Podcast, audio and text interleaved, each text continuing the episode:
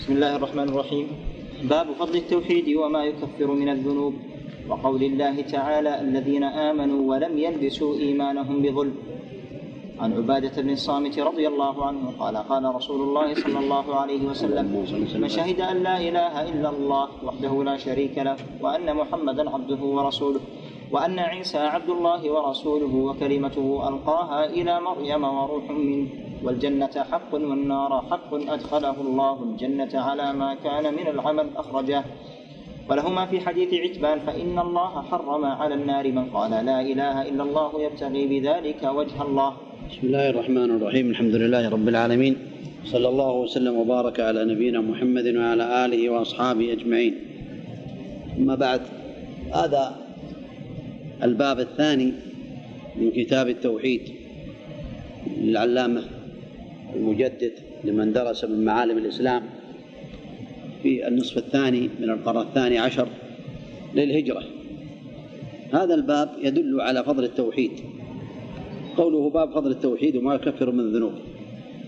والمعنى باب فضل التوحيد وباب ما يكفر من الذنوب. فالتوحيد له فضل ويكفر الذنوب كلها. إذا كان خالصا لله تعالى كما يأتي في الأحاديث. والآية قول الله تعالى الذين آمنوا ولم يلبسوا إيمانهم بظلم. أولئك لهم الأمن وهم مهتدون. الذين آمنوا ولم يخلطوا يلبسوا يخلطوا إيمانهم بظلم.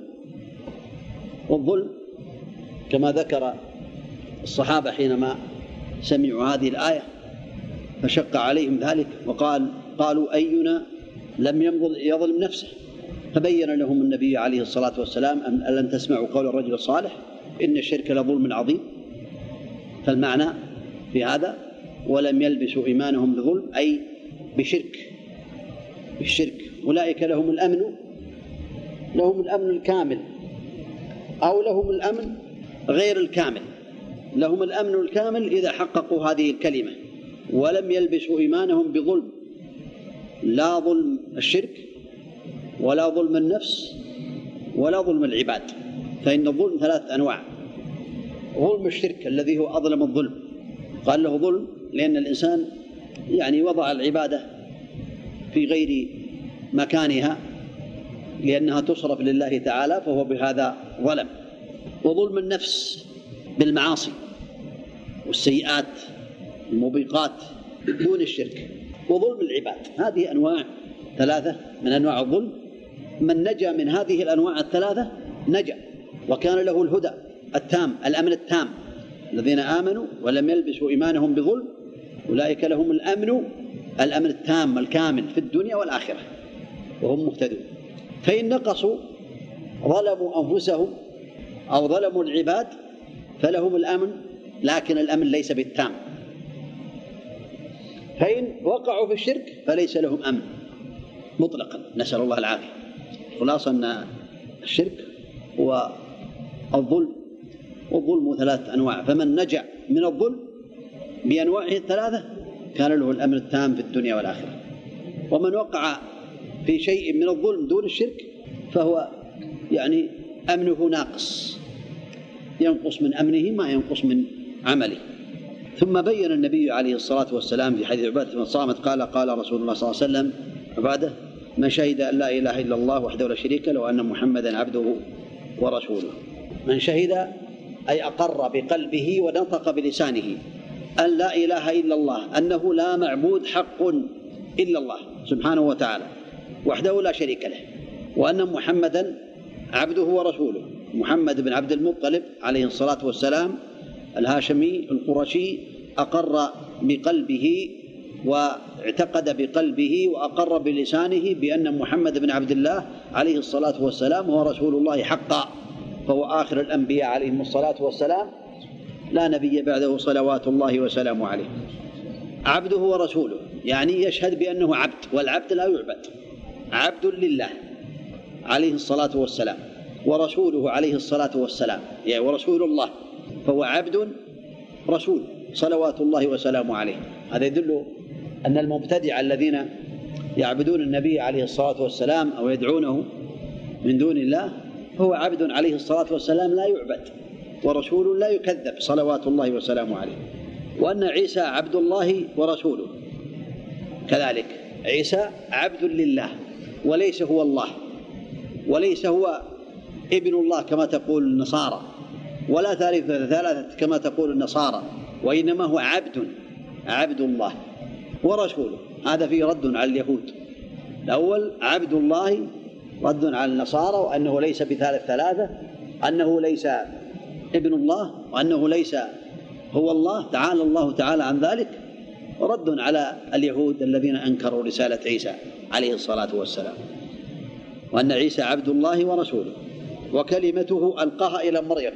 يعني كلمة ألقاها إلى مريم كلمة الله. وكلمة الله تعالى عيسى عليه الصلاة والسلام هو كلمة الله. بمعنى أنه كان بكل ولم يكن عيسى هو الكلمة وإنما كان بكل. إنما أمره إذا أراد شيئا أن يقول له كن فيكون. فعيسى هو كان بكل ولم يكن هو الكلمة كما يقول المبتدعة وإنما هو كان بكل. كما قال الله تعالى إنما مثل عيسى عند الله كمثل آدم خلقه من تراب. ثم قال له كن فيكون. آدم خلق من تراب بدون أب ولا أم وعيسى خلق من أم بكلمة كن بدون أب فليس له أب وإنما أمر من الله تعالى بكن فكان. وكلمته ألقاها إلى مريم.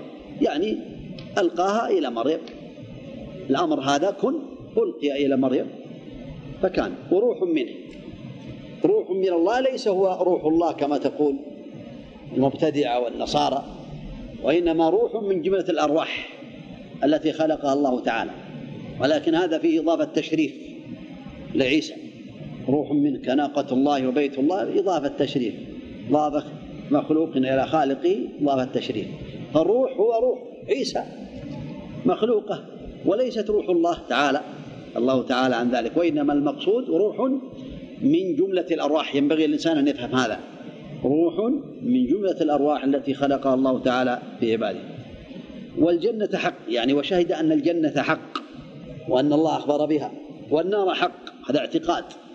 أدخله الله الجنة على ما كان من العمل. يعني أدخله الله الجنة على ما كان عنده من العمل.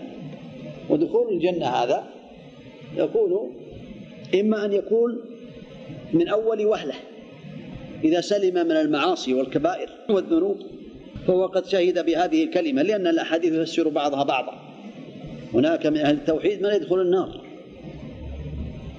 ويخرجون منها بالذنوب الكبائر. فإن كان قد أتى بشيء من الذنوب الكبائر مع هذا التوحيد فتوحيده ناقص وهو تحت المشيئة إن شاء الله عذبه وطهره في النار ثم أخرجه منها وإن شاء الله عفى عنه. كما بين الله تعالى إن الله لا يغفر أن يشرك به ويغفر ما دون ذلك لمن يشاء. أما إذا أتى بكلمة التوحيد وهذه الشهادة بالخمس التي في هذا الحديث كاملة وكان قد نجا من الكبائر فإنه يدخل الجنة من أول وهلة ومن أول الأمر. قال ولهما من حديث عثمان فإن الله حرم على النار من قال لا إله إلا الله يبتغي بذلك وجه الله. هذا يبين أن هذه الكلمة وهذه الشهادة لا تنفع إلا إذا قصد بها وجه الله تعالى. يبتغي بذلك وجه الله أي يرجو الله عز وجل. هذا من شروطها الإخلاص في قولها. فإذا قال ابتغى ذلك وجه الله هذا له سبب. أن الصحابة ذكروا رجلا عند النبي عليه الصلاة والسلام بأنه من المنافقين فقال عليه الصلاة والسلام وما يدريكم أو كما قال عليه الصلاة والسلام أنه قال لا إله إلا الله فإن من قال لا إله إلا الله خالصا من قلبه دخل الجنة فإن الله حرم على النار من قال لا إله إلا الله يبتغي بذلك وجه الله. وهذا يدل على الإنسان إذا كان في المجالس يسمع غيبة أو نميمة أنه يرد. والنبي عليه الصلاة والسلام ما أثبت له الجنة وإنما أخبر إخبارا عاما أن من فعل هذا العمل فهو من أهل الجنة.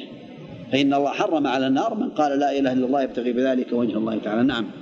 وعن أبي سعيد الخدري رضي الله عنه عن رسول الله صلى الله عليه وسلم قال قال موسى يا رب علمني شيئا أذكرك وأدعوك به.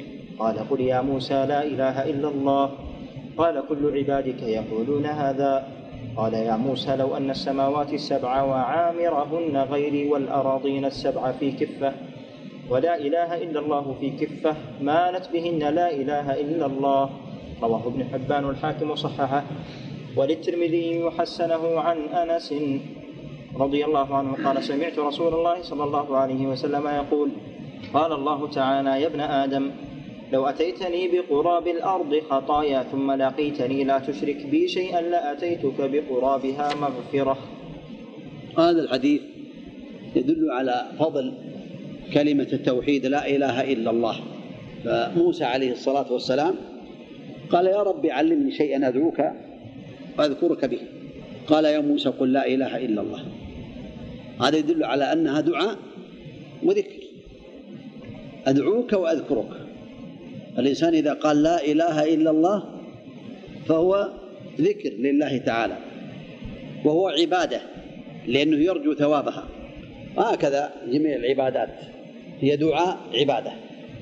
فالذكر فيه أمران ذكر لله وعبادة لله. فالذكر لله حينما يذكر الله تعالى والعبادة لله هو يرجو ثوابها. لأن العبادة نوعان. الدعاء دعاء نوعان. دعاء مسألة ودعاء عبادة. فدعاء مسألة كان يقول اللهم اغفر لي اللهم ارحمني أو غير ذلك. ودعاء العبادة هو جميع العبادات تكون دعاء عبادة لأنه يرجو ثوابها يطلب من الله ثوابها. إذا هذا دعاء عبادة. فالخلاصة أنه أراد أن يذكر الله تعالى وأن يدعوه بكلام خاص له لا يشركه بغيره قال يا موسى قل لا إله إلا الله. قال يا ربي كل عبادك يقولون هذا. وليس معناه أنه لا يعرف معناها وإنما المعنى أنه يريد شيئا يختص به من دون الناس. فقال له تعالى يا موسى لو أن السماوات السبع وعامرهن غيري والأراضين السبع في كفة ولا إله إلا الله في كفة مالت بهن لا إله إلا الله. هذا يدل على عظمها أن جميع المخلوقات.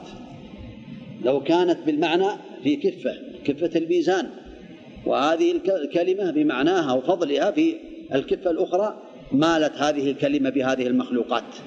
هذا يدل على فضل هذه الكلمة أنها كلمة عظيمة. كحديث البطاقة رجل يأتي يوم القيامة وينشر له تسعة وتسعين سجلا. كل سجل مد البصر. فيها من السيئات والذنوب ما فيها. فيقال هل تذكر لك شيئا؟ قال لا أذكر شيئا. قل بلى. فيؤتى ببطاقة مكتوب فيها لا إله إلا الله وأن محمد أو أشهد أن لا إله إلا الله وأن محمد رسول الله.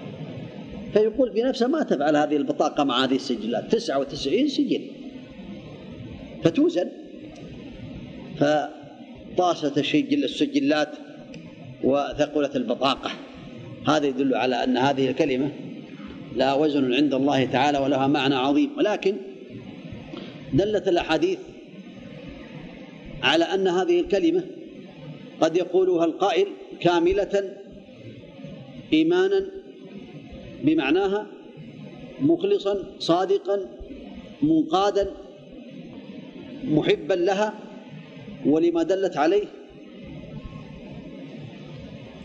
عارفا لمعناها كافرا بجميع ما يعبد من دون الله تعالى قائما بشروطها؟ فهذه الكلمة تحرق جميع الذنوب كلها الماضية. قد يقولها عند الموت قبل الموت صادقا من قلبه فتحرق جميع الذنوب. وقد يقولها القائل وعنده ذنوب ومعاصي. فهي تنجيه كذلك من النار من الخلود في النار. يطهر في النار إن شاء الله أن يطهره ولم يعفو عنه. ثم تنجي هذه الكلمة التي من كانت في قلبه ولو مثقال من كان في قلبه مثقال ذرة من إيمان أو من حب حب خردل فإنه لا يبقى في النار يخرج منها.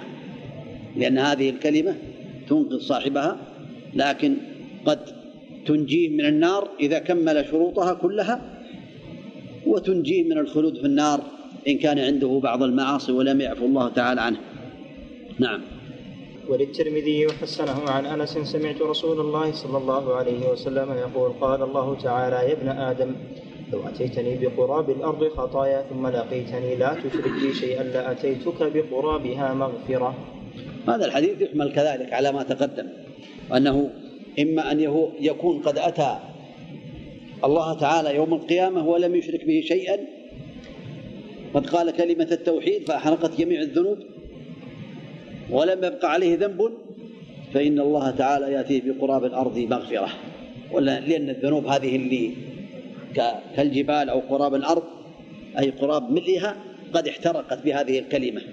أو أنه قد جاء يوم القيامة بهذه الكلمة قد قالها ناقصة ولكنه جاء تائبا. من جميع الذنوب فكذلك. لأن الأحاديث تفسر بعضها بعضا. هذا في هذا الباب فوائد كثيرة. لا يتسع المقام لذكرها لكن هذا كلمات مختصرة في هذا المعنى. نسأل الله عز وجل لنا ولكم منا في العمل الصالح. نعم. شيخنا أحسن الله إليك. الذين آمنوا ولم يلبسوا إيمانهم بظلم ألا يقتصر الظلم هنا على الشرك ويخرج ظلم النفس وظلم العباد؟ بدليل تفسير النبي صلى الله عليه وسلم لذلك. الظلم هنا فسره النبي عليه الصلاة والسلام بأنه شرك لا شك في ذلك. لكن يعني الإنسان المقصود في الكلام أن الإنسان إذا أتى بظلم يوم القيامة فالظلم إن كان الظلم شرك لم يظلم نفسه بالشرك ولكنه ظلم نفسه بالمعاصي الأخرى فإنه يحصل على الأمن لكن الأمن غير تام لأنه أتى بمعاصي وذنوب أخرى آمن لكنه الذين آمنوا ولم يلبسوا إيمانهم بظلم أي بشرك كما فسر النبي عليه الصلاة والسلام. فهذا لهم الأمن لكن المقصود في الأمن هل يكون الأمن تاما؟ أم يكون ناقصا؟ إذا أتى بها ولكن عنده ذنوب عنده كبائر عنده زنا عنده غيبة عنده مصائب جرائم أخرى لم يستحل لها فأمنه ناقص. أمنه ناقص فهو تحت المشية. إن شاء الله غفر له وإن شاء الله عذبه. ثم أدخله الجنة بهذه يعني بهذا التوحيد. أمنه غير تام إذا كان عنده ذنوب ومعاصي. نعم. وأمنه تام إذا كمل بالتوحيد ولم يقع في هذه القذورات نعم سنة قال الإمام ابن باز ابن باز رحمه الله تعالى واشتملت هذه الآيات على عشرة أمور. نعم. الأول الشرك والثاني الإحسان إلى الوالدين وذكرهما بعد ذكر حق الله يدل على عظم حقهما. والإساءة إليهما من أجرم الذنوب والمعاصي وقرناهم الله بحقه في غير ما آية. الثالث عدم قتل الأولاد. الرابع قرب الفواحش من الغيبة والنميمة والزنا والسرقة وغيرها. الخامس قتل النفس التي حرم الله إلا بالحق. السادس أكل مال اليتيم. أنت قرأت هذا لكن لا بأس. لكي يواصل مع كمل. ماشي. طيب نعم.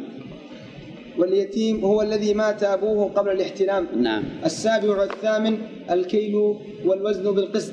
التاسع الوفاء بعهد الله. العاشر العدل. وعهد الله ما أوصى به من عبادته وعدم معصيته وإفراده. والفواحش هي المعاصي. يعني إفرادها بالعبادة يقصد. نعم.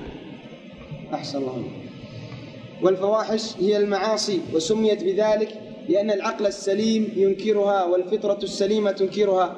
والوصية الأمر المؤكد أوصى بشيء إذا أكده والعقلاء هم الذين يعقلون هذه الأمور ويلتزمونها بعقولهم. قوله تعالى وأن هذا صراطي مستقيما فاتبعوه. صراط الله هو فعل الأوامر وترك النواهي والإخلاص له فعليهم أن يستقيموا عليه ويلتزموا به. وقوله تعالى ولا تتبعوا السبل. والسبل هي البدع والأهواء والشهوات المحرمة. وذكر, وذكر التعقل أولا لأن العبد يتفكر أولا ثم يتأمل فيعرف ويتذكر ثم يتقي فيعمل بما ينفعه ويترك ما يضره ويغضب ربه. قال ابن مسعود من أراد أن ينظر إلى وصية محمد صلى الله عليه وسلم التي عليها خاتمه أي كأنه كتبها وختمها بخاتمه فهذه وصية الله وهي وصية من من رسوله صلى الله عليه وسلم. وكان الصحابة قد أسلفوا لما أراد النبي صلى الله عليه وسلم أن يوصي وترك. وذلك أنه حين أراد أن يوصي قال بعضهم أحضروا كتابا وقال بعضهم لا تشغلوه وهو مريض فأمر بإخراجهم وقال ما ينبغي عندي التنازع. لكن ذكر العلماء بأنه عليه الصلاة والسلام قد حصلت وصيته عليه الصلاة والسلام في هذه الأيام ما أوصى به كما إما أن أخرج المشركين من جزيرة العرب أو أنه عليه الصلاة والسلام حينما نهاهم قال لعنة الله على اليهود والنصارى اتخذوا قبور أنبيائهم مساجد يحذر ما صنعوا. الوصية قد حصلت ومات عليه الصلاة والسلام ودينه كامل عليه الصلاة والسلام. نعم. أحسن الله إليك. قال ابن عباس رحمه الله رضي الله عنه إن الرزية كل الرزية ما حال بين الرسول وبين أن يكتب الوصية. وجاء في الحديث أن الرسول قال لأصحابه ألا تبايعوني على هذه الآيات؟ نعم. وعن معاذ رضي الله عنه قال كنت رديف النبي صلى الله عليه وسلم على حمار فقال فقال إلى آخر الحديث في الحديث تواضع النبي صلى الله عليه وسلم وحسن خلقه من وجوه كونه راكب على حمار وكونه له رديف ومحادثته لمعاذ رديفه بخلاف ما يفعله بعض المتكبرين وفيه إخراج الفائدة والحكم بصيغة السؤال وهذا له وقع في قلب السامع. لأنه يقول يا معاذ أتدري ما حق الله للعباد نعم. ويكون متهيئا ومتحمسا للجواب بخلاف ما لو ذكر الحكم ابتداء فربما لم ينتبه له. وقوله الله ورسوله أعلم فيه حسن خلق معاذ حيث لم يتكلف ما لا يعلمه وهذا هو الواجب أن يقول لا أدري أو الله ورسوله أعلم في حال حياته. وبعد وفاته يقول الله أعلم أو لا أدري ولا يقول الله ورسوله أعلم لأن النبي صلى الله عليه وسلم لا يدري ما أحدث الناس بعده كما في حديث الحوض حين يقول أصحابي أصحابي فيقال له إنك لا تدري ما أحدث ما أحدث الناس بعدك. نعم. انتهى كلامه في الباب الأول. نعم. قال رحمه الله في الباب الثاني في فضل التوحيد وما يكفر من الذنوب. نعم. أحسن الله عليك. أراد المؤلف به, به بيان شيء من فضل التوحيد. وأنه أعظم الأعمال في تكفير الذنوب لأنه أساس الأعمال أساس الأعمال وأصلها والأعمال لا تصح إلا بعد وجوده وذكر ذلك حتى يعرفه المؤمن ويكون أكثر إقبالا عليه وتشوقا إليه. قال تعالى الذين آمنوا ولم, ولم يلبسوا إيمانهم بظلم أولئك لهم الأمن وهم مهتدون. قوله تعالى آمنوا أي وحدوا الله وأخلصوا له العبادة وآمنوا أنه إلههم الحق. وقوله ولم يلبسوا أي لم يخلطوا. وقوله إيمانهم توحيدهم وقوله بظلم بشرك بل أخلصوا له العبادة سبحانه وقوله لهم الأمن أي الأمن الكامل والهداية الكاملة إذا كان إيمانهم سليما من الظلم كله دقه وجله من الشرك وما دونه من المعاصي وظلم وظلم العباد. ولما نزلت هذه شق على أصحاب رسول الله صلى الله عليه وسلم وجاءوا إليه وقالوا أي أينا لم يظلم نفسه؟ ظنوا أشار إليه الشيخ نعم. وش نعم أحسن الله عليك. وقالوا أينا لم يظلم نفسه. ظنوا أنه أراد جنس الظلم أي جنس المعاصي. فقال ألم تسمعوا قول العبد الصالح؟ إن الشرك لظلم عظيم. فالمراد من الظلم هنا الشرك بخلاف المشرك. فلا أمن له بل إلى النار.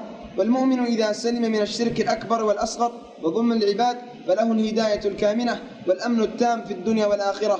أما إذا سلم من الشرك الأكبر ولم يسلم من الأصغر من بعض الذنوب فهدايته ليست كاملة وأمنه ليس كاملا بل ربما يدخل النار بالمعاصي التي مات عليها.